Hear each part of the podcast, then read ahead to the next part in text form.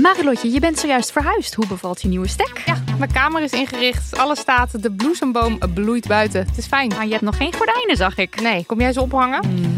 Maar het ding is dus, desondanks alles slaap ik als een koningin dankzij mijn matras van Emma Sleep. Een prinses zonder ert ben jij. Al leg je een ert onder mijn matras, ik denk niet dat ik er last van heb, want het is een hemelsding. En dan heb ik ook nog mijn Emma Diamond Pillow. Jouw slaapkamer is een slaapparadijs. Wil jij dat nou ook? Ga naar emma-sleep.nl en daar vind je moederdag sale met kortingen die oplopen tot wel 50%. En met de code DAMNHONEY aan elkaar eh, komt daar nog eens 10% extra korting bovenop. Mijn naam is Botte Jellema. Jouw naam is Ipe Driessen. Wij zijn van de Eeuw van de Amateur. De Eeuw van de Amateur is een podcast die gaat over... Alles. Het is een eh, podcast over levenskwesties die je niet kunt googlen. Een soort licht neurotische blik op het leven. Het is een podcast met humor. Jezus. Kijk, een grapje. Die, die vragen durft te stellen en die je ook onbeantwoord durft te laten. Mooi. met een regenboogvlagje. Dat, dat noem je queerbot. Dat het een regenboogvlagje, dat klinkt echt als een soort... Eh, ik bedoel, iedereen is welkom. Kom ons luisteren in je favoriete podcast-app. Voordat we beginnen gaan we vragen om geld. Microfoons, een Soundcloud-abonnement, een producer, it ain't cheap people just. Als jij denkt, ja, ik help die meiden daar graag mee, dan hebben we goed nieuws. Dat kan. We hebben een Patreon-pagina aangemaakt en dat is een platform waarop je creatieve projecten kunt steunen. Via die pagina kun je een soort abonnement op ons nemen. Al vanaf een euro per maand. Plus, je kunt het abonnement stopzetten wanneer je wilt, dus ook meteen na de eerste donatie. Ga naar patreon.com slash damhoney of kijk in de bio van ons Instagram-account. En als je er geen zin in hebt, dan doe je het niet. Zelf weten. Dag favoriete feminist, welkom bij Damn Honey.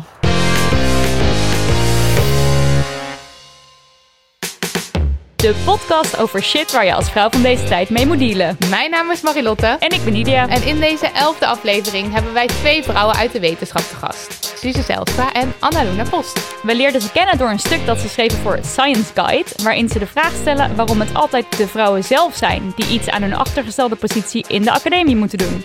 Suze, jij bent universitair docent maritieme geschiedenis aan de Universiteit in Leiden. En je bent gespecialiseerd in de Nederlandse koloniale geschiedenis. En je schrijft momenteel een boek dat De Voormoeders heet. Eh, en dat gaat over vrouwen in jouw eigen Nederlands-Indische familie van de VOC-tijd tot heden. Wat leuk om je eigen familie te onderzoeken. Ja, dat vind ik ook. Het is een eh, heel andere manier van geschiedenis schrijven dan dat ik tot nu toe heb gedaan. Dus Veel is, persoonlijker eh, natuurlijk. Ja, absoluut. Er komen heel veel dingen samen. Ja, en, en ehm, wat is de reden dat je eh, de vrouwen, want je ehm, onderzoekt de vrouwen van vroeger. Ja, eigenlijk wel. De reden is vooral dat eh, nog steeds vooral naar de mannen wordt gekeken in deze geschiedenis. Eh, als we het bijvoorbeeld over de VOC hebben, dan gaat het vooral over de Europese mannen die naar Azië gaan, aanmonsteren en al dat soort, eh, dat soort dingen. Maar uiteindelijk de andere kant van het verhaal, dat ze daar vrouwen tegenkwamen, daar vaak kinderen mee kregen en hun afstammelingen, daar gaat het weer minder over. En daar wil ik graag over schrijven door dit boek. Cool, hartstikke leuk, welkom. En naast jou zit Anna Lunepost en zij promoveert aan de Universiteit Utrecht. Haar proefschrift gaat over de relatie tussen roem en geloofwaardigheid van wetenschappers. En dat doet ze aan de hand van de casus Galileo Galilei. En als ik die naam hoor, dan denk ik altijd Galileo Galilei van Queen. Heb jij dat nog steeds of gaat dat weg? Nee, inmiddels niet meer. Dat gaat wel weg. Ja, ja dat scheelt. Anders dan zou ik de hele tijd datzelfde liedje in mijn hoofd hebben. En dat, eh, ben heel blij dat dat niet zo is. Ik ben niet zo'n Queen-fan. Nou, straks gaan we het met jullie hebben over vrouwen in de wetenschap. Maar eerst, eh, Marilotte, wat was het minst feministische wat je afgelopen week gedaan of gedacht hebt? Eh, nou, het viel mij de afgelopen weken op dat ik echt heel veel sorry heb gezegd de hele tijd. Sorry, mag ik er even langs? Sorry dat ik dit wil kopen. Sorry dat ik hoofdpijn heb. Sorry dat ik fiets. Sorry dat ik dit doe. Sorry, dat ik besta. Sorry dat ik besta, inderdaad. Dus het was heel... eh, en eh, mijn vriendin die wees me er al op dat eh, soms... Ik vroeg om een paracetamol ergens in een theater. En ik sta dan al helemaal een soort van in een verontschuldigende houding... met allerlei lichaamsbewegingen sta ik zo om zo'n paracetamol te vragen. Het was gewoon een en al verontschuldiging. Ik weet niet wat er aan de hand was, maar het wordt ook weer tijd dat ik daarmee stop. Nidia. Ja, ik was eh, bij mijn vriend en ik had mijn haar gewassen. En toen ging ik mijn haar feunen met zijn föhn. En toen dacht ik, wat de fuck heeft hij een supergoeie föhn? Een föhn die veel beter is dan mijn eigen föhn. en dat was raar dat ik dat dacht. Annaluna. Ja, ehm, ik had ehm, een etentje en daar werd mij gevraagd hoe mijn ervaring was met studeren in het buitenland. Eh, ik heb in Italië gestudeerd en wat ik vond van het niveau van studeren daar. En ik reageerde eigenlijk een beetje met, ja, kan niet zo goed inschatten, want ik had allemaal mondelinge tentamens en ik weet niet zo goed, ik had hele hoge cijfers, maar ik weet niet in hoeverre het, oh, een leuk blond meisje, die Oh. me een hoog cijfer, heeft, meegespe- eh, ja, Ja. heeft meegespeeld.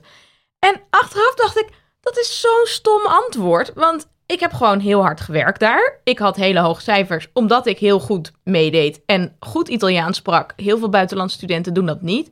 Ik kon gewoon meekomen met cursussen op masterniveau. Waarbij ik dus hele dikke Italiaanse boeken las. En daar dan een, vervolgens een mondeling tentamen over aflegde. Dat deed ik blijkbaar gewoon goed. En ik vond het zo stom, want ik heb er en mijn eigen ehm, opleiding mee naar beneden gehaald. eh, ten overstaande van twee hoogleraren. En ook het stereotype verder versterkt. Van, eh, ja, van meisjes, blonde meisjes in Italië en hoe die behandeld worden. Maar Ja. ook Ja. van Italiaanse opleidingen als minder goed en minder betrouwbaar. Terwijl dat was helemaal niet, Niet nodig. nodig. Nee, Dus zonde. Wel. kans. hele Ja. goeie. Ja. Eh, Suze. Ja, ik, ehm, ik heb best wel Downton Abbey gebinged. Love En Downton ehm, Abbey. ja, ik hou er heel veel van. En er zitten ook best wel veel, eh, zeg maar, het gaat ook best wel veel over ongelijkheid van de vrouw en ongelijkheid in klassen en dergelijke. Maar dan aan het eind van het verhaal zijn we toch pas echt blij als zelfs de vrijgevochten Edith met haar markies is getrouwd en haar ware liefde vindt. Dat is één ding.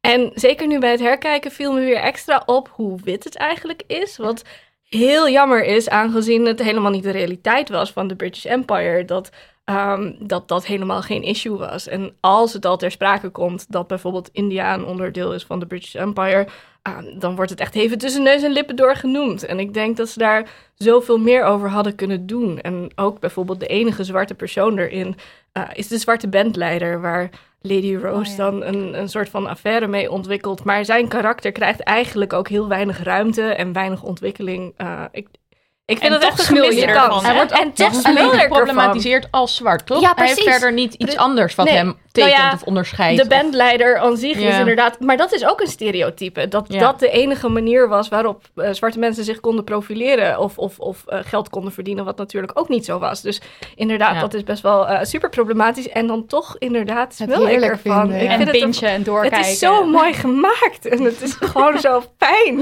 Is-. Dus dat vind ik eigenlijk, als ik er echt over nadenk, denk ik van ja... Oh, ik wou dat ze, daar, dat ze ook daar meer mee hadden gedaan. Maar er Ja. schijnt een film te komen. Ja, dat ik wordt wel al drie echt. jaar gezegd. Ja, ik weet niet of nee, het nee, nou nee, september is. 2019. Ik heb het opgezocht. Oh, wat goed. Maar goed, dan misschien grijpen ze dat aan om iets meer woke te zijn. Dat hoop ik. Echt. ook. We Want, kunnen dat zijn ze dus qua veel thema's zijn ze dat denk ik wel al. Dat Ja. ze echt al veel, eh, veel eh, inderdaad, bijvoorbeeld wat betreft seksisme en Klasse. Nou ja, eh, klasse inderdaad en, enzovoort. Dus daar, daar ligt volgens mij nog een kans. Ja, Alle Ja. Downton Abbey's moeten eigenlijk, of, eh, Abbey-fans moeten eigenlijk massaal eventjes In de pen. eh, eh, in de pen klimmen. Mm. Ja. Precies. gaan we door met de post. Post, eh, dit keer in de vorm van korte berichtjes op Instagram van Xannelie en Carlien. En zij stuurden ons allebei een reclame van bol.com door met de vraag... "Huh, wat? Het gaat om het volgende filmpje. En onder dat filmpje stond de tekst... Je kunt natuurlijk niet elke dag zo'n stoere bink zijn, hè? Hmm, griep. Of mannengriep. Zo herken je het. Moet hij eindeloos diep zuchten? Snuit hij vaker dan hij ademt? Heeft hij die ik draag al het leed van de wereld blik? Kan hij zelfs de soep niet meer eten? Moet hij non-stop blaffen? Komt hij hangend de dag door? Dan is het mannengriep. Gelukkig vind je bij bol.com alles voor als hij de mannengriep heeft. De mannengriep. ja. Vorig jaar ging Ethos hier ook al mee aan de haal. Toen hadden ze een reclame voor een fictief middel dat eh, anti, eh, anne- anti-mannengriep heet. Met extra anti-aanstelleritis formula. Als het einde nabij is, gebruik bij totaal onvermogen om van de bank te komen. Het is gewoon, het is zo verschrikkelijk. En er stond toen, en dat wil ik heel eventjes voorlezen op de website van de Ethos, ehm, een tekst. Eén keer per jaar een zieke man. Ach, dat overleven we wel. Het jammere is dat we nu moeten toegeven dat die mannen wel degelijk ergens beter zijn in zijn dan wij. Griep hebben, terwijl vrouwen met 39 graden koorts gewoon met ux en een joggingpak op het schoolplein staan om de kinderen op te halen. Probeer maar eens glamorous te zijn, glamorous te zijn met griep. Eh, hebben mannen het zo zwaar dat er niks anders op zit dan het alleen maar heel erg zwaar te hebben. Ja, dit Dat hele toch- mannengriep. Ik, Eén, ik herken er niks van. Ik ken geen mannen in mijn omgeving die zich aanstellen. Twee, Waarom zou je je niet mogen aanstellen als je ziek bent? ik- Ik wou zeggen, ik ken ze wel, maar dat Ja. is vaak ook wel met reden dan. Als je, maar bedoel, het ja. is dan toch gewoon ziek zijn? Ja, en het is, dan, ja, het is dan niet aanstellen. Het is gewoon ja, echt even kut voelen en dan gewoon daar ook eventjes lekker in, In gaan. meegaan. Ja, Ja. waarom niet? Waarom Blijf altijd gewoon maar... thuis. Ja, want ja, vrouwen zouden eigenlijk gewoon thuis moeten blijven als ze zich zo rot voelen. Dat Ja. is ook Ja. een beetje dat idee dat we maar moeten doorpushen en zo is super ongezond. Ja, Ja. wa- waarom überhaupt verheerlijken we dat idee dat vrouwen eh, dat moeten doorgaan Mm. en moeten zorgen en, en, en, en al die ballen hoog houden? Daar hebben we, daar hebben we het in ons boek ook over. Dat dat, dat dan een soort van iets, iets is wat, wat verheerlijkt wordt en waar je naar moet streven als vrouw om al die ballen maar hoog te houden. En, eh, de, en de kinderen en het huishouden en je werk. En dat is totale onzin. Wees gewoon ziek. Ja. En mannen, wees ook gewoon ziek. ja, en dat gaat dan ook weer... Het lijkt een beetje in te gaan eh, tegen het idee dat vrouwen... of dat mannen altijd stoer en sterk eh, moeten zijn. En dan, dan moeten ze dus ook doen als ze ziek zijn. Ja, en dat ze dan belachelijk worden gemaakt om het feit dat ze dus helemaal ziek zijn. Dat ze dan dus niet de stoere bink zijn. Wat ook onder dat bol.com eh, filmpje gepost wordt dan door bol.com. Van je kan niet altijd stoer. Nee, maar dat is Ja. ook prima. Alleen blijkbaar vinden we het niet prima. Want we gaan het belachelijk maken. En onder dat filmpje stonden echt heel veel comments. Ja. Van wie? Vrouwen, mannen of Allebei. allebei? Vrouwen, ja, Voornamelijk vrouwen die dan mensen taggen, dus of vriendinnen of misschien dan hun partner, denk ik. En Ja. dan, haha, eh, zo herkenbaar, hier hadden we het nog over. En, dan dit de ben reacties jij. van de getagde mensen. En dan vaak hi, hi, ja of zo. Weet je, het, is- het is altijd, het is nooit, nooit dat ze het er niet mee eens zijn. Het is altijd, ja. Dus Ja, en wij snappen ook wel, kijk, stel je hebt een kind en, dan moet, en je bent allebei ziek. Ja, dan moeten de kinderen opgehaald worden. Dat, dat is logisch. Ja. Maar dat zou dan de man en de vrouw kunnen zijn en niet één van de twee. het is niet dan dat de vrouw zich eh, uit bed sleurt met 80 graden koorts. En die man mag blijven liggen, want hij heeft de mannengriep. Ja, Nee, maar dat is, dat is dan het ideaalbeeld van ons. Maar ik kan me voorstellen dat het misschien in de praktijk dan toch zo is... dat vrouwen zich dan in ieder geval een soort van plicht voelen om dat Ja, alsnog Ja, te doen. En dat is Omdat die taken nou eenmaal niet uitgezet mogen worden of gewoon maar doorgaan. En dat is inderdaad, eh, dat is een probleem. lijkt Ja. me. Ja, zeker. Dus, ja, ik vind het stom. ja. en eh, dan, krijg ik, dan zou ik dus zeggen, wat ons betreft, is de mannengriep een... Tof sausje.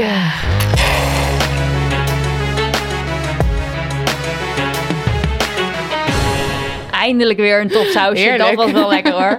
En zoals Xannelie scherp opmerkte, lekker bijdragen aan internaliseren van seksisme. Bol. Lekker. Eh, door met meer post van Maite.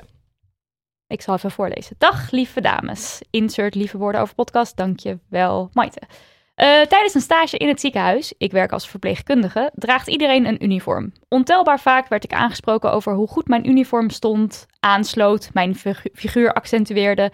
Het ging zelfs zo ver dat ik als 18-jarige stagiaire door een arts in een hoekje van de lift werd gedreven, omdat hij het noodzakelijk vond dit aan mij te melden. Mij lijkt het me heel interessant als jullie je blik werpen op gelijkheid, of eigenlijk het gebrek hieraan, in de rolverdeling binnen bijvoorbeeld beroepen als verpleegkundige. Of verpleegkunde, sorry. In de situatie van die arts durfde ik mij niet te verdedigen, omdat hij mijn meerdere, mijn meerdere was en ik inwisselbaar was als verpleegkundige stagiair. Ik weet dat ik hierin niet de enige ben geweest. Hebben jullie advies hiermee om, hebben jullie advies hiermee om te gaan voor toekomstige stagiaires in een minderheidsonderdanige positie? Maar ook wat te doen als de vrouwelijke arts aangesproken wordt als verpleegkundige of mannelijke verpleegkundige als arts. Dit zijn directe aannames. Wat te doen als je dit ziet gebeuren. Eventjes voor de schets hier. Annaluna en Suze, die zaten hier helemaal agressief. Allemaal Burggebaren te maken. Ja. Oh, dat kwam van diep hoor. Ja. Ja. Zo. Ja, laten we beginnen met die eerste vraag. Dus hoe ga je om eh, met ehm, ja, dan toch wel weer mannen die dus opmerkingen maken over uniform? Of, en dat zijn dan ook nog vaak mensen die boven je staan, waardoor het extra vervelend is om is. iets terug te zeggen. Ja, ik vind dat heel moeilijk. Ik vind het een hele herkenbare situatie. Ik heb het ook best wel vaak gehad. Ehm, ik ik weet nog steeds niet zo goed hoe ik ermee om moet gaan. Binnen de academie bedoel je? Ja, binnen de academie, ook op andere situaties. Maar ehm, ik heb wel inmiddels best een goede dodelijke blik ontwikkeld. Eh, dus dat helpt een beetje. Maar ja, het is gewoon heel vervelend. Ik vind het ook echt heel raar dat je dat doet als arts. Ehm, ik vind zelf altijd vooral heel vervelend als er opmerkingen komen over eh, hoe iets me staat. Als iemand bijvoorbeeld zegt, oh leuke oorbellen, een hoger geplaatste. Is dat veel minder erg dan, staat deze jurkje mooi? En dat is, dat is toch iets heel anders. Ja. Ja. Ehm, maar ja, ik denk wel, eh, het is iets wat je niet per se in je eentje hoeft op te lossen. Als je stage loopt ergens, dan heb je natuurlijk een stagebegeleider met wie je dit soort dingen eventueel zou kunnen bespreken. Ja, dus Ja. dat je niet direct de arts zelf erop aanspreekt, dat kan natuurlijk eng zijn. Ja, Mhm. als je daar onzeker over voelt of als je echt denkt van mijn plek staat dan op het spel. Ehm, al denk ik ook wel in deze tijd dat, eh, nou misschien, ik ken de artsenwereld niet zo goed, maar dat mensen er wel steeds meer voor openstaan om te horen eh, dat ze iets niet goed doen. Ja, maar ik kan me voorstellen dat je inderdaad, zeker als stagiair, wel... En als eh, 18-jarige. Dat, ja. dat ook nog. Ik bedoel, ik heb nog steeds best wel vaak een moment dat ik denk, oh, ik laat het maar gaan. En dat gaat Ja. niet per se om dit soort intimidatie, maar andere Ja. eh, seksistische opmerkingen of behandelingen of daar waarvan Ja. ik denk van, oh, dat is, voel ik me niet oké bij. En dan denk ik toch van, ja, ga, of, of dan denk ik er soms niet eens over na, dan laat ik het gewoon maar gaan, omdat dat zo ook een soort van ingebakken zit, dat je het maar over je heen moet laten komen. Ja, en ergens Waar- denk je ook dan pick your battles of zo. Ook, ja, natuurlijk. Het kost energie en zo. Maar ik denk ook wel inderdaad wat Annaluna zegt van... eh, de bondgenoten kunnen hier misschien ook nog wel een rol spelen. Van inderdaad bijvoorbeeld je begeleider of misschien eh, oudere verpleegkundigen of andere eh, of, of dokters, andere dokters die er misschien die waar je, nou ja, ik weet ook inderdaad niet hoe dat dan precies gaat qua opbouwen van een band daarmee. Maar ik weet wel dat bijvoorbeeld in mijn eigen werk, werkomgeving ehm, helpt het wel om mensen die meer senior zijn, zeg maar een soort van bij de strijd, dat je weet dat die Ze bij de strijd ja. betrokken zijn. Eh, dat die soms ook nog voor je op kunnen komen. En dat je niet alleen maar altijd eh, het zelf hoeft, eh, hoeft op te knappen. En soms dan, ja, dat is ook een beetje met die machtsrelatie. Soms dan komen woorden van iemand die meer senior is, komen gewoon ook harder aan bij iemand die bijvoorbeeld dokter is of, bij, of, Ja. of hoogleraar. Of, of Wordt het serieuzer genomen? ja, dat is, dat is pijnlijk. Dat zou niet zo moeten zijn. Zeker niet in zo'n situatie als dit. Maar Ja, wat, wat ook heel lastig is bij haar, is dat ze zegt dat ze dan op dat moment was ze inwisselbaar. Dus ja, ja, ga dan maar eens opkomen voor jezelf. Want dan ben jij die zeikert. En die ander, Ja. die doet dat niet. Ja. Dus dat is dan toch fijner om Nou die ja, ander dus misschien... hoef je het dan niet direct op te nemen met de arts in kwestie. Nee, maar kun je het wel aankaarten bij ook een vertrouwenspersoon bijvoorbeeld. En als er meerdere klachten binnenkomen Mhm. bij zo'n vertrouwenspersoon, kan of diegene de arts aanspreken. Of er kan ook misschien een cursus georganiseerd worden voor artsen. Hoe ga je eigenlijk om met vrouwelijke stagiaires? zo. Die ja. wel meerderjarig zijn, maar waarvan het toch een beetje raar is als jij ze uitgebreid gaat complimenteren met hun uniform Ja, in dat de is hoek het ook, van hè? de lift. Het is ook een uniform. Kijk, dat ze nou zeggen, jullie hebben een jurk of iets aan naar je werk. Eh, als jij nu binnenkomt, denk ik ook van, hey, vet leuke jurk, daar zeg ik wat over. Dat is weer heel anders als jij hier in een uniform was binnengekomen. Ja, Dan is het dat nog raarder zelf om een compliment erover Ja. te geven. Ja. ja. Maar dat, dat punt is inderdaad, het is niet, het probleem ligt bij de personen die die, die, die, ja, eh, de foute opmerking. die foute maken. opmerkingen maken. Of zo iemand in een lift soort Ja. van drijven. Ja. dat is Ja. wat echt, ugh, dat is Ja. zo fout. Dus heel knap als je er zelf iets van wil en kan zeggen. Maar het hoeft niet, want het is dus ook niet jouw verantwoordelijkheid om het op te lossen. Nee. Ja. Dus hou dat in je achterhoofd. hou dat dat- het ja, niet het is sowieso de niet schuld jouw ligt schuld. niet bij jou. Ja, en eh, fijn als je er moeite op wil doen. En heel vervelend dat je ermee te maken hebt. Dus ik snap ook vanuit dat opzicht Mm, dat je er iets aan wil doen. Ehm, maar ja, dat kan heel veel vormen krijgen. En voel, je vooral niet schuldig als je er Nee. uiteindelijk niks aan doet. Omdat je je energie er niet aan wil Zeker. besteden. Ja, en dan hadden we nog de tweede vraag. Dus wat doe je als er aannames worden gedaan? Dus dat bijvoorbeeld de, de vrouw de verpleegkundige is en dat de mannelijke verpleegkundige als arts wordt aangezien. Wat te doen als je dit ziet gebeuren? Ja, ik zou er niet middenin gaan springen, denk ik. Dat is weer een beetje overdreven. Stel, je ziet het zo net op een afstandje gebeuren. Sorry hoor, Maar- maar, maar zij eh, is eh, de arts of wat? Ja, toch? Dat je dat, eh, nee, ja, dat zou ik ook Ja, niet doen. nee, dat het is is dan- net niet erg genoeg om er als buitenstaander in te springen, denk ik. Of Nee. zo. Ik zeg, maar ik weet ook niet zeker of ik het in het gesprek zelf. Ja, want het advies is natuurlijk gewoon speak up en zeg het en benoem het, zodat Ja. mensen zich er bewust van zijn. Maar het Misschien iets van gek hè, dat je toch een beetje die onbewuste aanname hebt. Zoiets. Ja, ik, heb, Ja. ik word nog, nog steeds wel eens voor student aangezien. En eh, ook regelmatig voor promovendus. Dat is dan weer wat minder raar. Ehm, maar daar zeg ik altijd wel wat van. En dan merk ik nog dat ik het probeer te downplayen, zeg maar van... Oh, maar ik werk hier in plaats van dat ik zeg ik ben universitair docent. Ja. Weet je wel? Dus dat ik nog steeds een soort van voor hun de embarrassment wil wegnemen. Uh, dus dat probeer ik niet meer te doen. En ik probeer daarbij ook iets te zeggen van... Oh ja, dat zei ik vroeger, nam ik ook wel eens dingen aan. Uh, nu probeer ik meer te vragen van... Wat, voor, wat doe jij hier? Of uh, wat, snap je? Dat je het meer open laat. En dan proberen niet verbaasd te kijken als dan iemand zegt... oh, ik ben hoogleraar of zo. Weet je? Ik bedoel, ja. um, dat je daar wat meer ruimte voor laat. Uh, ja. En niet... Nou ja, misschien heb je die aanname nog steeds wel... want dat zit best wel diep ingebakken. Um, maar dat is minder vervelend voor de persoon die je uh, waar je dan tegen praat. Dus ja. dan probeer ik dat meestal wel zo van... Een soort van subtiele manier... zo van, zo zou je het ook kunnen vragen. In plaats van, oh, ben je student hier? Of, ja, je had het beter open kunnen houden dan. Ik heb dus een keer hier ben je hier in je eerste jaar? Nee. Dat was zeg maar Oeh. letterlijk afgelopen jaar. Nee, wat erg. Oh, wat ja, ik zie er natuurlijk ook heel jong uit en zo, maar dat, nee. dat vind ik... Nee, nee, nee toch? Nee. Gaat er, nee. Het was wel een student die dat zei, maar oké. Okay. Uh, een mannelijke student trouwens, maar goed. Dat, uh... Bizar. Ja. ja, echt heel raar. In ieder geval corrigeren. En ook niet altijd proberen het, uh, het weg te lachen, denk ik. Ja. Mag nee, er best precies, wel je gewoon hard ja. zeggen van... nee, ik ben een universitair docent hier, punt. Zonder dan Ja, uh, uh, erachteraan nog het grappig te willen maken... Of, uh, of stilte op te willen vullen, omdat het voor hun ongemakkelijk is. Het is Ja. niet jouw schuld dat het ongemakkelijk is. Dus... nee, precies. En je hoeft ook niet te zeggen, oh, nog maar net hoor, of zoiets. Van, je bent het precies. gewoon. Ja, je. gewoon, Het het is gewoon- wat het is, klaar. Precies. Wordt mannen- gewerkt om hier te komen, hallo? Juist. Ja. Waarom zou je dat nou weer eh, downplayen? Hmm. Dankjewel, Maite, voor je, voor je ingezonden brief. We hopen dat je er wat mee kunt.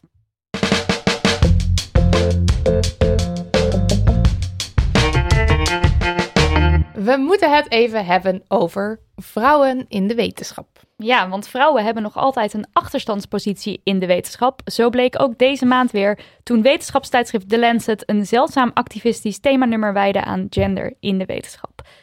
Uh, nou, volgens het blad uh, zijn de volgende dingen nog altijd niet oké. Namelijk, als mannen een subsidieaanvraag doen, worden die makkelijker gehonoreerd. Vrouwen in de wetenschap en gezondheidszorg zijn ondervertegenwoordigd op leidinggevende posities. Uh, ze worden ook ondergewaardeerd en ze hebben te maken met discriminatie en geweld op basis van gender. En in de editorial van The Lancet schrijven ze ook dat dit eigenlijk al decennia lang bekend is, deze problemen, maar dat ze hardnekkig blijven bestaan en de programma's en methodes om verandering voor elkaar te krijgen vaak gericht zijn op vrouwen laten handelen als mannen. Ja, en daarom hebben we jullie uitgenodigd. Yes!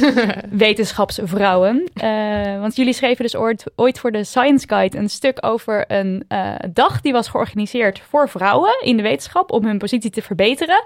En wat was ook alweer de aanpak van de. Wat was ook Ja, allemaal. Het was een, eh, een dag georganiseerd door NWO, dat is de Nederlandse Organisatie voor Wetenschappelijk Onderzoek, en eh, het LNVH, Landelijk Netwerk Vrouwelijke Hoogleraren. En de dag heet Pump Your Career. Eh, en dan Pump. krijg je natuurlijk een hele vrolijke afbeelding van een pump, want vrouwen in topposities hebben altijd rode eh, stiletto's aan. Ehm, en eh, het- ja, de insteek van de dag was leer hoe je een betere wetenschapper wordt door jezelf beter te presenteren, door eigenlijk je aan te passen aan de mannelijke norm. Ja. En wij waren een beetje gefrustreerd, want het komt gewoon dan weer aan op vrouwen die daar tijd en geld in moeten steken. En die zich moeten aanpassen naar een norm waarvan we eigenlijk met z'n allen ook al lang hebben bepaald dat die norm eigenlijk niet deugt. Want er zijn heel veel krachten op dit moment bezig om het wetenschapsveld een beetje te hervormen. Ehm, en te zorgen dat dat minder individualistisch wordt bijvoorbeeld. Maar tegelijkertijd gaan we dan dus wel vrouwen vragen om zich naar die norm te gaan aanpassen. En dat is eh, stom. Dat is stom. Dus Ja. toen had jij een oplossing. Toen had ik een oplossing. Dat was eh, dat we eh, MWO en LNVH vroegen om eens per drie jaar dan ook een dag te organiseren waar we met z'n allen gingen praten. En een dag speciaal gericht op mannen waarop ze konden leren dat ze helemaal niet zo bijzonder waren. Want een van de workshops voor vrouwen heette dan I am remarkable. Eh, hashtag. En eh, dat we dan voor mannen zo van I am not that special. eh, dat soort workshops. Ik moest er echt Ja. erg Het was een heerlijk artikel. lol met het schrijven. Ja, absoluut. En je had ook een workshop bedacht van eh, dat mannen moesten leren dat ze niet zomaar door vrouwen heen moesten praten. Ja, soort, zelfs wanneer een vrouw naar je How, lacht. how not to walk over Oh, all ja. women. Eh, en dus de inspirational sessions als I am not that special, fair promotion skills, help, panel wanted, how not to end up with a panel. En uh, manel, Ja. construct, Eh, communication. How not to interrupt women when they talk. Even Precies. if they smile at you. Ja, en wat ik erg leuk vond, is dat jij je dan afvraagt... eh, wij vragen mannen niet om naar dat soort eh, evenementen te komen... want een, een mannelijke wetenschapper gaat zijn belangrijk onderzoek niet in de steek laten... eh, om dat soort eh, workshops te volgen. Waarom vragen we ditzelfde eigenlijk nu van vrouwen? Ik vond het een hele terechte vraag. Ja, Mooi. goed stuk. Ja, lekker stuk. Maar hoe is jullie kijken op zaken in Nederland? Dus de genderongelijkheid in de wetenschap. Zeggen jullie, ja, het is echt fucked up? Of zeg je, nou, valt mee?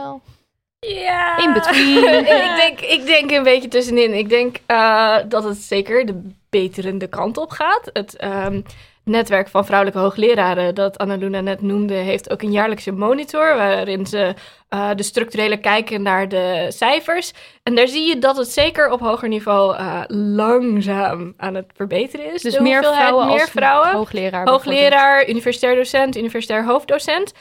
Uh, tegelijkertijd constateerden ze dit jaar dat het aantal vrouwelijke promovendi afneemt, procentueel, maar Hmm. ook in aantallen. Dus dat er meer promotieplaatsen zijn in 2017, maar dat er van minder naar vrouwen gaan. Dus uiteindelijk blijft dan nog steeds de vraag van waarom zouden jonge vrouwen bijvoorbeeld dit niet als carrière willen of doen. Uh, dus dat is één ding. En uh, tegelijkertijd zijn er dus inderdaad, afgezien van die cijfers, Even kijken hoor. Uh, nou ja, volgens die monitor werd in ieder geval gezegd... Op, als we op dit tempo doorgaan... dan zijn we in 2048 hebben we gendergelijkheid. Dat is Ja, dus... Duurt nog wel even. Ja, dan ben ik bijna met pensioen. Um, Maar je mag het nog meemaken. het, ik hoop het. Maar, maar gaat dat dus wel gebeuren... als dus nu weer de trend aan het terugdraaien is? Of zou kunnen gaan terugdraaien? Um, en tegelijkertijd, we hebben nog steeds maar 20%, uh, ruim 20% van de hoogleraren is vrouw. Uh, dus dat soort dingen, de cijfers zijn niet heel uh, optimistisch stemmend. En tegelijkertijd hebben we dus inderdaad heel veel uh, mechanismen van seksisme in, in de bredere, in, de, in de wetenschap aan zich. Die ervoor zorgen dat dus bepaalde dingen in stand blijven. Of die ervoor zorgen dat het dus niet zo'n aantrekkelijke werkomgeving is voor met name vrouwen, maar ook um, uh, ja, andere mensen die niet voldoen aan het witte, mannelijke uh, ideaal. Um, um, uh, natuurlijk ook. nou ja, goed, daar kunnen we het zo nog over hebben. Dat maar kan je er ook een voorbeeld van geven? Dat, je, dat het dus niet zo'n vriendelijke omgeving is? Um, ja, nou ja, ik noemde net dus al uh, dat ik wel eens te maken heb gehad met seksuele intimidatie van eigenlijk mannen uit verschillende uh, groepen. Dus uh, hoogleraren, maar ook wel studenten en uh, zowel Nederlands als buitenlands. Dat zijn soms kleine dingen, um, maar het is natuurlijk wel dat, ja, dat is gewoon heel vervelend dat dat nog steeds gebeurt. Um, maar er zijn ook voorbeelden, bijvoorbeeld dat uh, genderongelijkheid gereflecteerd wordt in studentevaluaties. Dus dat vrouwelijke docenten lagere uh, beoordelingen krijgen voor ja. vakken. Dit is dus ook wat de Lancet schreef, hè? Ja. Dus dat vrouwen lager beoordeeld worden, zowel door mannen als door vrouwen. Als door vrouwen. Vrouwen ja. doen daar zelf ook aan mee. Het ja. is ook omdat het beeld dus veranderd moet worden. Maar dat ja, heeft dat... natuurlijk invloed op je carrière. Want je wordt ook beoordeeld op hoe goed je onderwijs geeft. En als jouw leidinggevende ziet dat jouw evaluaties niet zo goed zijn... ja, dan uh, heb je misschien minder kans op promotie. Dus ja, en het dergelijke me mechanisme zie je dus ook in uh, beoordelingen van onderzoeksaanvragen. Ja. Dus echt op inhoud. Dat uh, daar zeker wat betreft, uh, als gekeken wordt naar cv en potentieel van iemand, dan is de vrouw nog steeds degene die nog hard moet werken en de man degene die veelbelovend is. Dus dat, Hmm. zeg maar, er is meer ruimte voor mannen om. Um, zich nog een soort van hun potentieel te ontwikkelen, terwijl dat bij vrouwen minder vanzelfsprekend wordt geacht. Dus die moet er nog maar, die moet er Die hard moet voor werken. Hard werken. Ja. Ja. Ik zag ook in, uh, daar, uh, jij schreef een artikel um, um, op overdemuur.org en daarin schreef, daarin, daarin schreef jij, vrouwen worden dan gezien als ijverig en mannen als aanstormend talent. En dat Precies. is dan ook zoiets waarin Ja. dat, uh, maar dat is natuurlijk heel erg geïnternaliseerd, ook bij ons, Absoluut. bij vrouwen. Ja. Absoluut. Ja. Nee, dat artikel dat ging over um, welke historici bij de NOS gevraagd worden om commentaar te leveren. En dat was echt meer dan 90% waren mannen en voornamelijk witte mannen. Dus dat, die voldoen heel erg aan dat beeld van dat is hetgene wat een historicus is of een geschiedkundige. Uh, die, uh, die moet er zo uitzien. En dat zijn dan de mensen die gevraagd worden. En dat versterkt natuurlijk ook weer ons gezamenlijke beeld van uh, wie dat beroep zou kunnen uitoefenen. Ja, en eh, in, in, in de animatie, want ik heb de animatie ook eventjes gekeken. Ik vond het erg interessant dat dan de, eh, de, de, eh, de leraar die in de animatie wordt neergezet, dat is dan een vrouw. Ja, de oh ja. Is een man. En er waren er ook nog geschiedenisnerds en dat waren dan ook mannen. En Ja. voor de rest, eh, en Ja. dat, dat, dat is dan het stereotype wat dan heel erg in stand wordt gehouden. Ja, en leraren, daar ging het dan voornamelijk, geloof ik, over leraren in voortgezet onderwijs. Dus daar kunnen we het nog wel handelen. Dat is een soort van de dat de uitvoerende macht. daar zitten. Ja, de uitvoerende macht zijn we dan. En dan als het ging over inhoud, dan, dan was het dus een, man die... eh, eh, dat ging over lesmethodes en hoe die ontwikkeld werden. en dergelijke. Ja, en je schreef er ook over Mary Beard. En dat zij, ehm, zij waagde vast te stellen dat er bewijs is dat er niet alleen witte mensen in Brittannië van het Romeinse Rijk woonden. En dat zij ook een shitload aan kritiek over zich heen kreeg, doordat ze dat dan eh, ja, meen bewezen te hebben. Absoluut, nou ja. Daar is genoeg bewijs voor. Ja, dus pre- dat, ja, precies. Maar dat is gewoon omdat zij dan, ze wordt al lager ingeschat door mensen, omdat het een vrouw is. En dus krijgt Ja. ze dan extra laag aan kritiek over ja, zich Dat is heftig. Ik volg haar op Twitter en zij retweet heel vaak wat mensen dus tegen haar zeggen aan nare dingen. Omdat ze zegt, ja, ik kan het negeren. Dat wordt heel vaak gezegd. Maar eigenlijk moet je het dus elke keer benoemen, omdat dat mechanisme weg moet gaan. Als je dat negeert, dan is dat individueel, ja, pick your battles. Maar eigenlijk zouden we het met z'n allen moeten benoemen. Maar zij krijgt shit over zich heen, want ze is een oudere vrouw. Ze is boven de 50. En waag het dan nog maar eens om eh, lang haar te hebben. en op tv te komen lopen. en dat soort, eh En dat dan soort niet heel veel make-up te dragen. En laatst had ze haar haar roze geverfd. Nou, de wereld was te klein. Ja. En dan gaan mensen tweeten over haar van... Ja, eh, typisch dat zo'n gefaalde klassica dan een tv-programma krijgt. Dat je denkt, gefaalde klassica? Mary Beard is echt de beste klassica op dit moment, zo'n beetje. En ze doet superveel voor outreach. En ze is heel activistisch. Kunnen we een beter voorbeeld van een geslaagde klassica bedenken?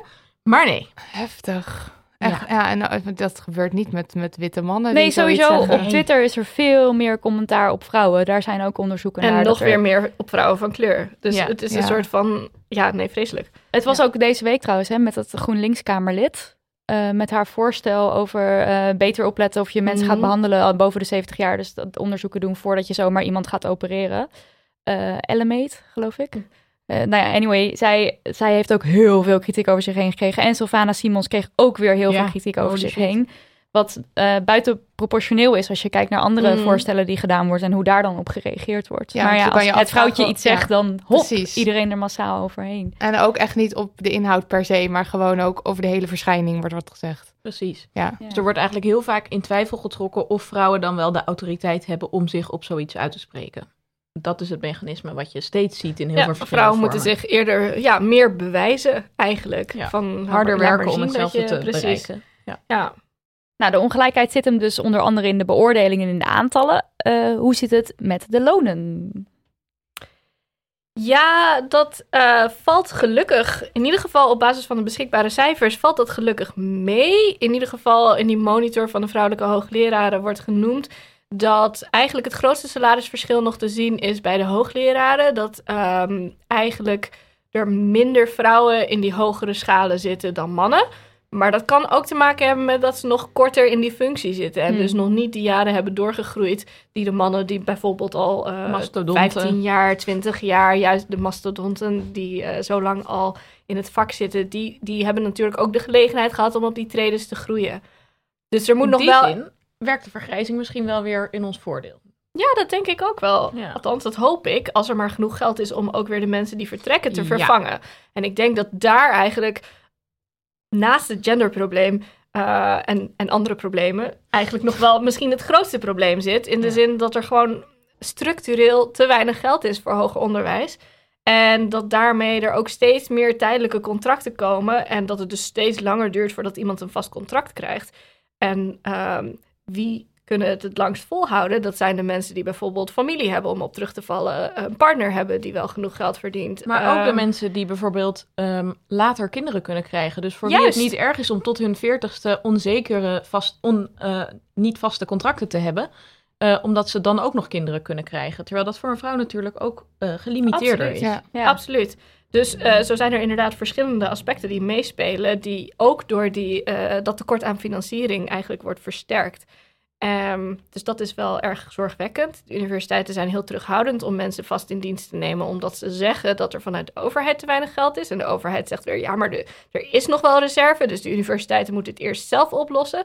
Dus het is een beetje de vraag van wat gaat daar veranderen? En eh, er is wel steeds meer, eh, onder andere WO in actie, dus eh, wetenschappelijk onderwijs in actie, is ehm, opgericht. En die voert actie voor inderdaad een, een verandering aan de universiteit, zowel wat betreft financiering als wat betreft mentaliteit. Ja, dat is heel erg belangrijk. En daarin zit dus ook een, stukje herzien van het model van belonen en waarderen.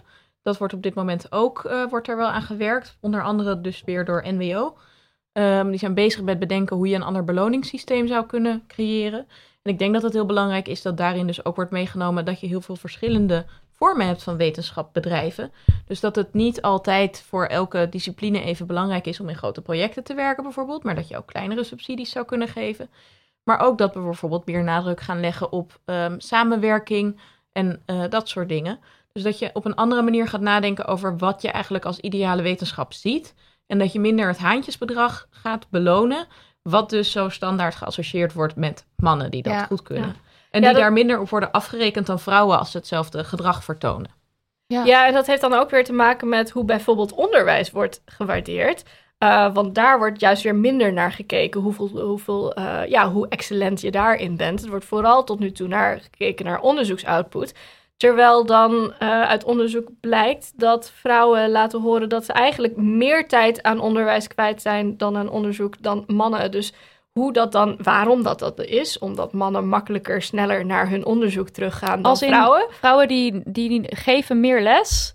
Het wordt van je verwacht dat je ook les geeft. Sowieso. En dan zijn het vrouwen die sneller dat dan doen. En mannen zeggen sneller nee, maar ik moet ook mijn onderzoek. Nee, dus ze doen het natuurlijk allemaal, Ja? want dat is waar we voor Ja. betaald worden. Ja, ja, ja. Maar het is maar de vraag hoeveel tijd je er uiteindelijk kwijt aan bent. Aan eh, bijvoorbeeld het begeleiden voorbereiden, van het studenten, bege- ja, oké, het het voorbereiden en dat soort ja. dingen. Hmm. En vrouwen die rapporteren dus dat ze 4% minder van hun tijd aan onderzoek kwijt zijn. En dus 4% meer van hun tijd aan onderwijs besteden. En eh, dat komt ook weer uit die monitor, die dus echt fantastisch is voor dit soort eh, dingen. Show notes. Omgerekend ehm, in de tijd betekent dit, zeggen ze, eh, op jaarbasis bijna twee werkweken meer aan onderwijswerk voor vrouwen dan voor mannen. Dus dat soort dingen, dat telt natuurlijk ook en in allemaal mee. onderzoeksaanvragen telt dat dus niet mee, hoe goed je onderzoek of hoe goed je onderwijs geeft. En onderzoeksaanvragen, waarmee dus grote hoeveelheden geld binnenhaalt voor de universiteit, zijn op dit moment eigenlijk de enige manier waarop je nog een vast contract kunt krijgen aan de En universiteit. waarop je überhaupt onderzoek kan gaan doen na Ja. je promotie. Maar dat is zo bizar, want de hele universiteit gedraait toch om het feit dat er nieuwe studenten goed opgeleid worden. Ja, en het bizarste is dus ook nog dat je mensen dan een onderzoekssubsidie geeft, waarmee ze zich dus kunnen vrijkopen van Mhm. onderwijs. Wat dus ook laat zien van dat is eigenlijk iets wat je liever niet wil doen. Want je wil vooral onderzoek eh, doen. Ja. Dus je koopt jezelf vrij en daarmee betekent dat dus dat er tijdelijke docenten worden ingehuurd om die hoogleraar met dat geweldige onderzoeksidee vrij te stellen. Maar dat betekent dat dat hele vernieuwende onderzoek dat wordt uitgevoerd dus niet meteen verwerkt wordt in het onderwijs. Terwijl dat een heel belangrijk onderdeel is van ons ideaal van een universiteit. Dat onderzoek en onderwijs met elkaar vervlochten zijn. Ja. En nu trek je het eigenlijk juist weer uit elkaar. Dus dat systeem heeft hele rare, ehm, onvoorziene effecten die niet per se goed zijn voor ehm, zowel het onderzoek als het onderwijs. Nee. En je hebt ook weer het probleem dat die tijdelijke krachten na een paar jaar niet voldoende onderzoek hebben gedaan om weer in de toekomst in aanmerking te komen voor bijvoorbeeld een vast contract of eh, een van die grotere beurzen. Ja. En die vertrekken dan op een gegeven moment. En dan heb je dus studenten die een tijd lang van iemand, eh, of misschien binnen iemand specialisatieonderwijs hebben gegeven, die, eh, gekregen, die bijvoorbeeld scriptie zouden willen hebben begeleid. Die zouden willen dat die persoon scriptie zou begeleiden. En die is dan er vandoor. En eh, de tijd die gestopt is in voorbereiding van een cursus, nou ja, die ben je dan ook kwijt. Want ik bedoel, hoe vaker je een cursus doet, hoe beter je er ook in wordt. Eh, en je verbetert het weer, waar het eventueel nog beter kan en dat soort dingen. Maar je hebt dus eigenlijk een soort ja, gigantische kapitaalvernietiging op het moment dat mensen dus ehm, een paar jaar vooral onderwijs geven. En daarna eigenlijk soort van geen kans meer maken omdat ze te weinig onderzoek hebben gedaan. Dus de oplossing is nu, die nog steeds vaak verwacht wordt, van doe maar in je eigen tijd of eh, Hmm. ja, doe het in het weekend, doe het op je vrije dag. Want veel mensen die worden niet fulltime betaald. Eh, en moeten dat onderzoek er dan maar bij doen als ze nog verder willen. En dat is ook iets waar wij ons tegen uitspreken. Van ja, niet iedereen is in staat om dat te doen. Die vrije dag die zou bijvoorbeeld, eh, nou ja, misschien gewoon voor, voor jezelf of voor zorgtaken Ja. of eh, vanwege gezondheid. Ik bedoel, er zijn ook mensen die niet eh, de volle. Ja, in het algemeen neemt de vrouw anderhalf keer zoveel zorgtaken nog steeds Ja. op ook zich. dat nog. Ja, Dus dat Ja. ook nog on ja the site. dat speelt allemaal mee. Maar blijkt uit die monitor waarom vrouwen 4% meer tijd in onderwijs steken? Misschien om die eh, eh, problematische studentenevaluaties te ehm, Dat ze daar... compenseren. Oh, ja. Nee, ik weet het niet. Het blijkt er niet uit. Het wordt niet echt toegelicht, toch? Nee, volgens mij is het ook weer een verslag van een rapportage die, die de studen- docenten dus zelf in, eh, universitair medewerkers zelf invullen. Van hoeveel tijd ze ergens aan kwijt zijn en hoeveel meer tijd dan dat ze gecontracteerd zijn en dergelijke. Dus dan zou je nog inderdaad verder moeten gaan kijken met een soort van diepte, diepteonderzoek waar dat dan aan ligt. Uh, heb maar wel ja, het idee wat ik vaak hoor van collega's, is dat ehm, studenten die bijvoorbeeld ook problemen hebben, ehm, stressgerelateerde problemen of familiegerelateerde problemen, dat die vaker bij vrouwelijke collega's daarover komen vertellen en steun zoeken dan bij mannelijke. Hm. En dat het best moeilijk is om daar nee op te zeggen. Kijk, je hebt natuurlijk studieadviseurs die eigenlijk eh, die functie op zich zouden moeten nemen of tutoren. Maar goed, als jij een eh, band hebt met een student en die student komt jou vertellen dat hij zich niet goed voelt, dan wil je daar eigenlijk wel iets mee doen. En studenten doen dat dus veel vaker bij Bij vrouwen. vrouw. Ja. Dus het zou ook kunnen dat het Toegankelijker. ligt. Ja.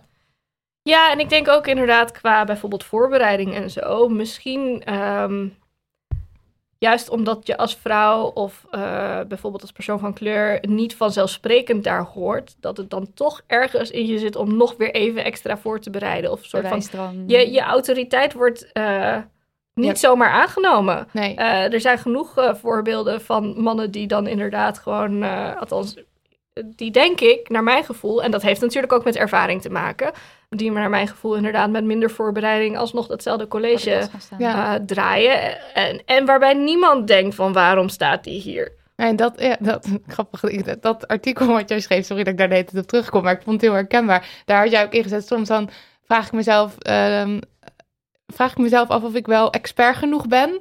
Eh, dat, komt, dat is gewoon zo herkenbaar. Ik denk dat heel veel vrouwen dat doen. Dat je Absoluut. gewoon Ik daar... heb hier een Imposter syndrome. van. Ehm, want we hadden het al even over hoe je nou als vrouw dan gediscrimineerd wordt. Maar een van de dingen die heel veel gebeurt is mansplaining. Ehm, ik zat een keer in een café in Parijs en daar werden mijn vriendin en ik aangesproken door een veel oudere man. Die wilde weten wat we in Parijs deden. Dus ja, eh, wij nou eh, wijn drinken, zoals je ziet, en kaas eten. en naar een museum en dat soort dingen.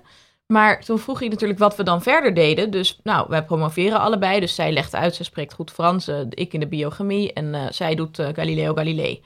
Die man, oh Galileo! Wist je dat die in de 17e eeuw door de Inquisitie is veroordeeld? Dus ik Nee. nou, goh. Ja, laat me denken. Wist je al dat hij pas in de jaren 90 door de kerk dan weer is gerehabiliteerd?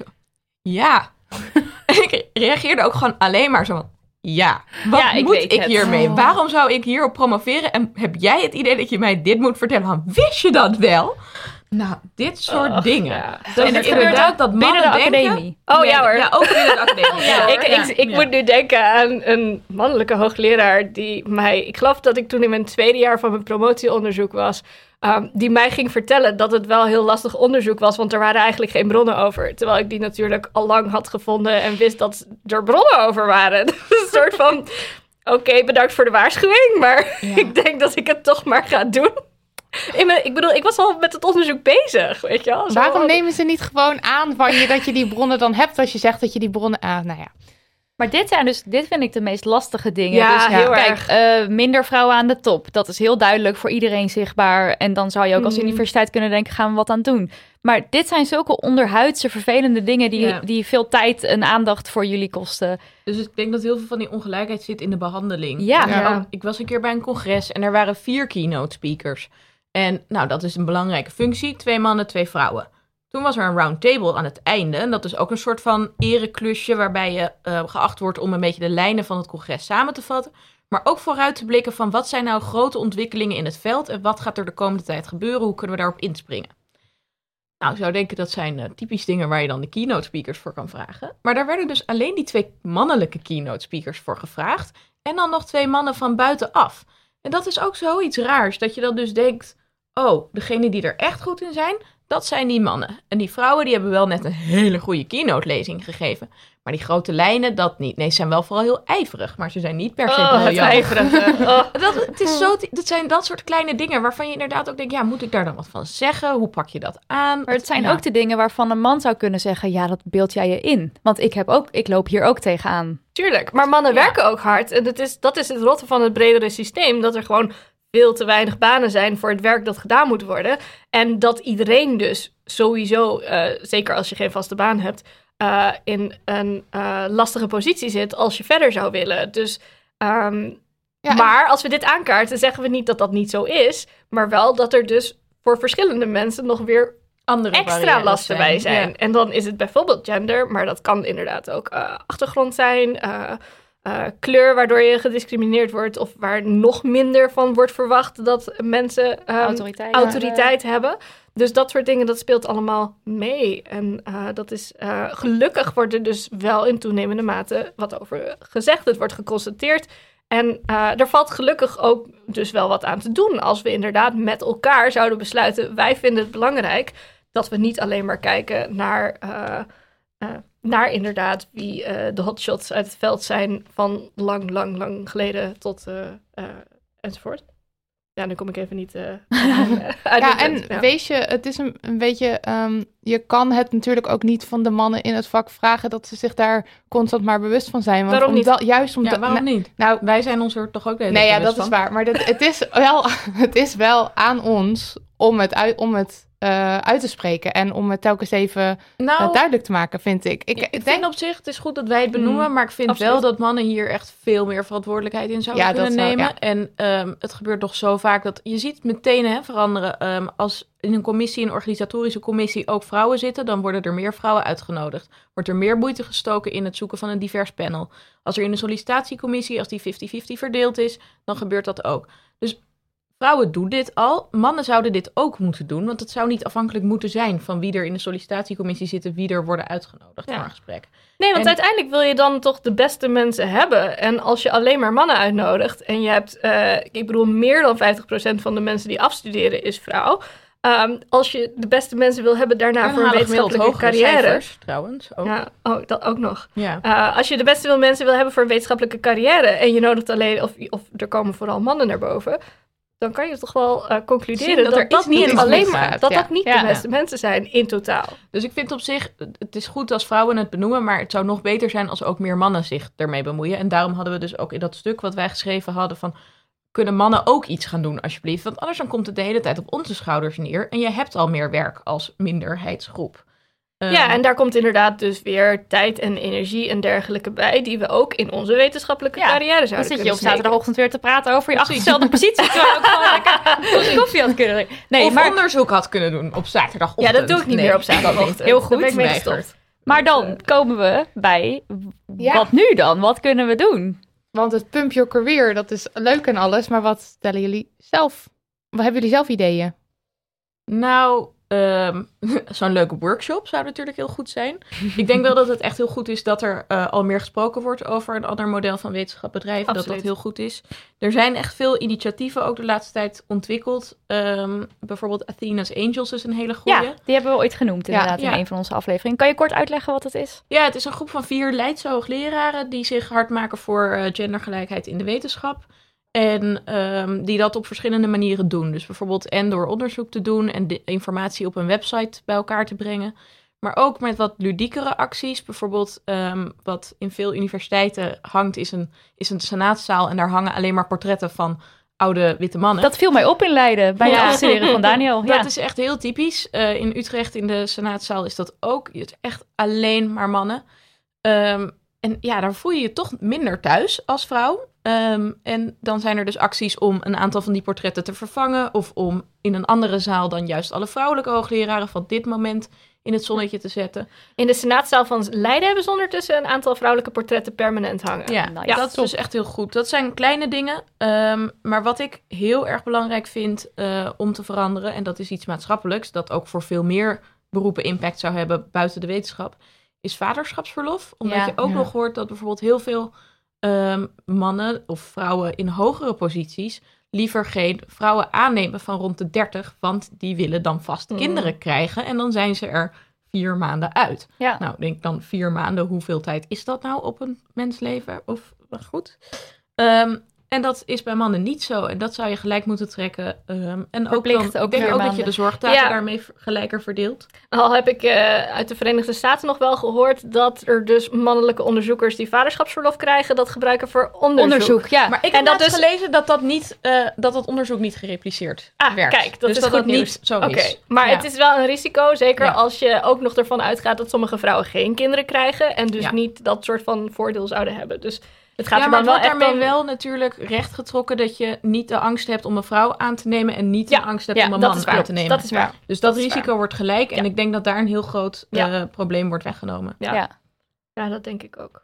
En ook dat het normaler is om dan voor mannen ook in deeltijd te werken. Want we zeggen ook altijd van, Absoluut. oh, het is zo'n probleem in Nederland dat zoveel vrouwen in deeltijd werken. En ik vind het een probleem als vrouwen in deeltijd werken en niet economisch zelfstandig zijn. Maar in Hmm. deeltijd werken is aan zich geen probleem. Ik bedoel, het eh, kan toch heel fijn zijn om een dag per week ook aan andere dingen te kunnen besteden. Ik ben helemaal Maar- pro-deeltijd werken. Ja, hartstikke lekker. Oh, absoluut. Maar dat als de ver- ver- verdeling altijd maar blijft dat mannen wel fulltime werken en vrouwen niet, dan blijft Ja. daar natuurlijk ook een scheefheid ontstaan. En ik denk uiteindelijk gaat er natuurlijk inderdaad ook om een bredere cultuurverandering. Dat we dus, ehm, nou ja, zeker als docenten hebben we daar een soort van verantwoordelijkheid, denk ik. Van als we onze vrouwelijke de- studenten die goed zijn, eh, als die aan zichzelf twijfelen over of ze wel iets zouden kunnen, eh, dat je die dan ook helpt om te laten zien dat ze het kunnen. Aanspoelen. Als ze het uiteindelijk niet willen, dan is dat weer een ander punt. En dan kun je het daar nog over hebben. Want uiteindelijk moet het ook weer niet zo zijn van... Ik bedoel, je moet niet mensen ergens toe dwingen om maar dat, die hokjes te kunnen vullen. Ehm, maar ik zou het wel heel, eh, heel mooi vinden als, eh, nou ja, al het talent dat we hebben aan de universiteit, dat dat ook daadwerkelijk benut wordt. En dat mensen ook daadwerkelijk groeien in de positie die ze zouden kunnen hebben. En hun eigen, ehm, ja, daarin eh, zich mogen ontwikkelen. En ook aan de universiteit of waar dan ook. Ja. Uh, maar dat moet inderdaad wel, als het, als het inderdaad om gaat om onzekerheid of om het niet, niet echt denken dat het wat voor hen is, uh, dan denk ik van, nou ja, waarom probeer je het niet? Uh, op een gegeven moment zou je misschien alsnog wat anders kunnen doen. Als je gaat promoveren, kan je daarna ook nog besluiten om wat anders te doen. Sterker nog, er is niet voor iedereen een vaste baan uiteindelijk. Dus um, Ja. dat hoeft ook niet te zeggen dat je dan per se verder gaat in de wetenschap. Maar uh, als het je mogelijkheid is en je hebt interesse in, uh, in onderzoek en eventueel onderwijs geven, waarom niet? Doen. Yes. Ja. Ja, ook al die stereotypes, die moeten natuurlijk gewoon weg. Dus dat we bij wetenschap denken aan, Precies. een, aan een witte Ja. man Ja. die ouder is. Dat, Ja. Op een Ja. of andere manier zit dat in ons allemaal toch een beetje vastgeroest. Al helemaal misschien als je niet uit de wetenschap komt. Dus minder die rolmodellen ook kent die er tegenwoordig ook allemaal zijn. Absoluut. Terwijl op tv zie je dan toch weer Het Eh, wordt altijd weer een bevestigd. die historicus Ja. waar jij Ja. over schreef. Ja, Dus dus Ja. dan geldt inderdaad ook voor representatie. ja, journalisten nodig, eh, nodig diverse mensen uit. Ja. En, ehm, ook, en dan ja. gaat het ook niet alleen, eh, zeker niet alleen over gender. Maar, eh, en inderdaad, als je dingen organiseert, wie vraag je dan? En Ja. wie, eh, wie vind je vanzelfsprekend om te vragen? En kan je daar misschien over nadenken of dat komt uit dat idee inderdaad van, oh, dat is standaard de autoriteit. Ja. Eigenlijk zou er een soort van standaard vragenlijst of zo moeten zijn voordat er mensen uitgenodigd worden voor tv. Dat je gewoon wel, echt ja. eventjes een soort van vinken, oh, lijstje afvinken van heb ik hier alles gedaan om het zo divers mogelijk te maken. Ja. Eh, want dat is het een beetje waar ik de hele tijd tegenaan loop bij dit soort grote onderwerpen. Het is dan zo'n zoiets wat je echt van binnenuit of zo, dat systeem, wat al, al, die denkbeelden waar wij in vastzitten, dat moet je veranderen. Maar Ja. hoe kan je dat nou doen heel praktisch? Ik, Ja. Want ik denk er ook de hele, ik denk er ook vaak genoeg niet over na. En ik, ik ben ook vaak genoeg, eh, trap ik er weer in. En dan zou ik zo'n lijstje zou mij bijvoorbeeld heel erg helpen, dat je er net Ja. eventjes aan denkt, oh ja, wacht eventjes, ik zie nu Ja. inderdaad allemaal witte mensen. Wat wel leuk is, Prins Constantijn, hebben jullie dat gelezen? Mhm. Die Ja. heeft afgelopen week een statement gedaan van... ik ga nooit meer in een panel zitten waar alleen maar mannen in zitten. Ja, er moet goed. minimaal Ja. één vrouw Ja. zijn. Ja. Dat is dan ook al wel minimaal één vrouw. Hij, zegt, hij vraagt niet eens Ja. om gelijkheid, maar om Ja. één vrouw. Nou, dat soort dingen Maar zouden dat wel blijft helpen. hangen, want dat is dan gewoon zo'n zo'n uitspraak, dat, dat lezen mensen. En ik denk dat dat, dat dat wel blijft hangen. Ja, maar ik denk wat dat betreft dat er ook wel gewoon een beetje hoopvol mogen zijn. In de zin dat mensen zich daar wel steeds meer bewust van worden. Ja. Ja. En eh, mensen in, in bredere zin, dus niet alleen maar vrouwen. En dat we daar ook echt wat kunnen uitmaken door Ja. inderdaad je uitnodigingsbeleid. Door wie geef je een podium? Wie, eh, ja, voor wie gebruik je je privilege als je dat hebt? Ja. Ja. En ik zie het ook met studenten steeds meer. Dat Mm. ze papers gaan schrijven over vrouwengeschiedenis en dat soort... Ja, dat, Ja, is dat ook onderwerpen ook. Het is wel nog steeds zo dat het vrouwen zijn die dat doen. Dus het zou wel helemaal mooi Dat zijn. eh, mijn gender, over, gender in de Republiek eh, college is niet alleen maar door vrouwen bezocht. Oh, wat Dus, goed. eh, ja, ja, ja. Ja, ik merk wel kant dat het vooral Absoluut. bij mij... Maar ja, ik werk bij de opleiding Nederlands en daar heb je ook gewoon vooral Mm, vrouwelijke studenten. Dus dat Ja. scheelt heel veel. En dat is trouwens ook iets wat heel opvallend is. Ehm, we hadden laatst een symposium waarbij een aantal studenten iets presenteerden. En toen zei de enige mannelijke eh, collega in dit team, zei, goh, het viel me wel op dat er zo weinig mannen eh, presenteerden. Toen dacht ik, ja, dat heb ik dus helemaal niet gezien, want dat is nu dus mijn blinde vlek. Andersom, Ja. ja. Ja, en dan word je dus ineens heel bewust van hoe je eigen blinde vlek dus ook functioneert. Mm. En daarom is het dus zo belangrijk om diverse teams te hebben, zodat je elkaar in balans kan houden. Ja. En Dus Nou. blijf je ook uitspreken. ja, blijf het ook met mensen erover hebben. Ehm, kijk wat je nog meer kan doen. Ik hoop ook dat studenten ehm, zich ervan bewust zijn wat zij voor vooroordelen hebben tegenover hun docenten. Ja. Dat zou denk ik heel, Ja. eh, heel veel Ja, schelen. ik wist het als student helemaal niet zo heel bewust. Dus wat dat betreft, ik bedoel, je moet ook een beetje ruimte... We moeten nog leren, weet je wel. Ja. We kunnen, en het kan altijd beter, maar... Zeker. Er gebeurt in ieder geval wel het een en ander. Ja, er is Ja, absoluut. Er is Ja. hoop. Ja, dank jullie wel. Ja. Heb je nog een soort laatste van, maar dit moeten we nog echt vertellen aan de mensen? Een uitsmijter. Hoeft niet. Mag wel. Wij staan hier allebei eh, Nee. naar elkaar te kijken. Geen uitsmijter. Dank jullie wel. Oké.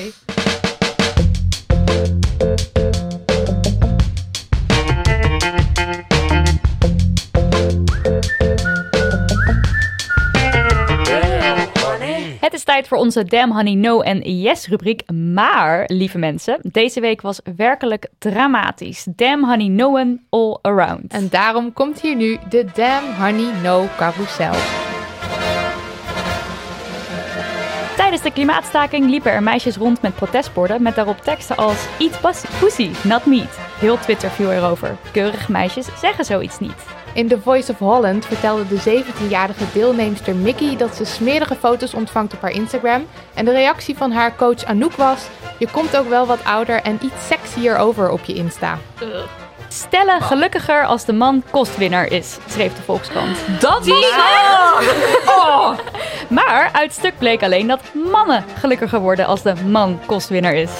Apple en Google bieden een app aan die is ontwikkeld door het Saudische ministerie van Binnenlandse Zaken. Met de app kunnen mannen vrouwen volgen en ze toestemming geven om te Dat reizen. is zo creepy. Ook krijgen ze een sms als de vrouwen bij de grens hun paspoort gebruiken.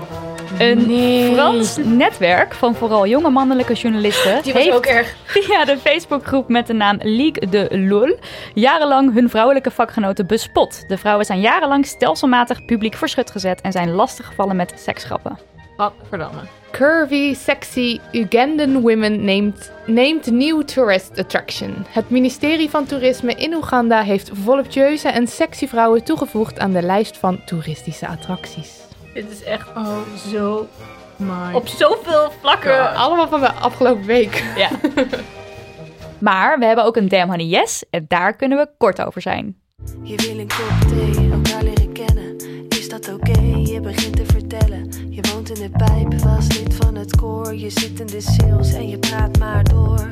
Maar die bio, het boeit me geen fluit. Ik wil met je naar bed. Dus trek het uit. Hou je bek en me.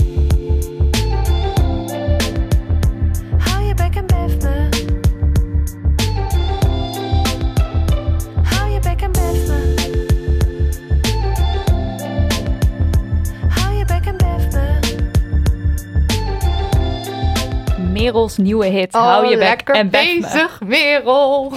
Gelanceerd voor Valentijnsdag. Nou, Heerlijk. Top. Ja. Allerliefste feministen, het eind is daar. Aflevering 11 is afgelopen. Superleuk dat jullie weer luisterden. Suze, Anna Luna, wat fijn dat jullie er waren. Dank jullie wel. Geen naam. Heel graag gedaan. Het was echt, eh, ja, fantastisch.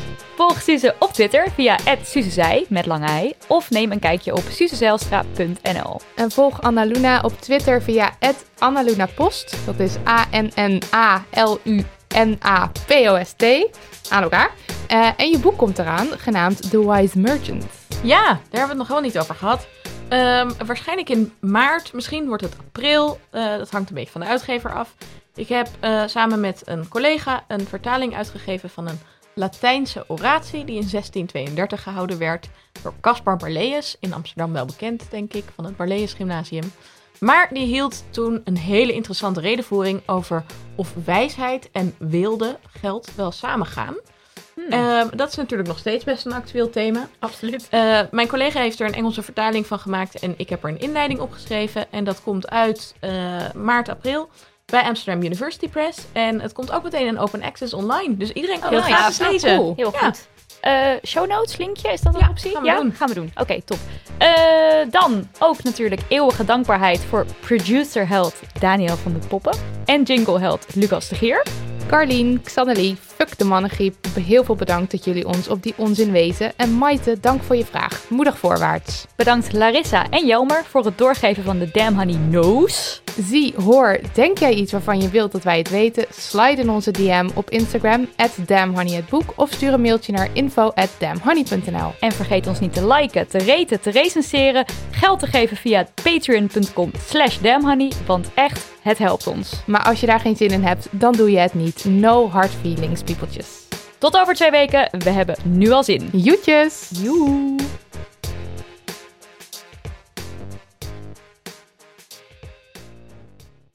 Kussens, bedden, matrassen, beddengoed. Emma Sleep heeft het allemaal. Ga naar emma-sleep.nl om van jouw slaapkamer een slaapparadijs te maken. Er is nu moederdag sale gaande met kortingen die oplopen tot wel 50%. Gebruik de code DAMHONEY voor nog eens 10% korting daarbovenop.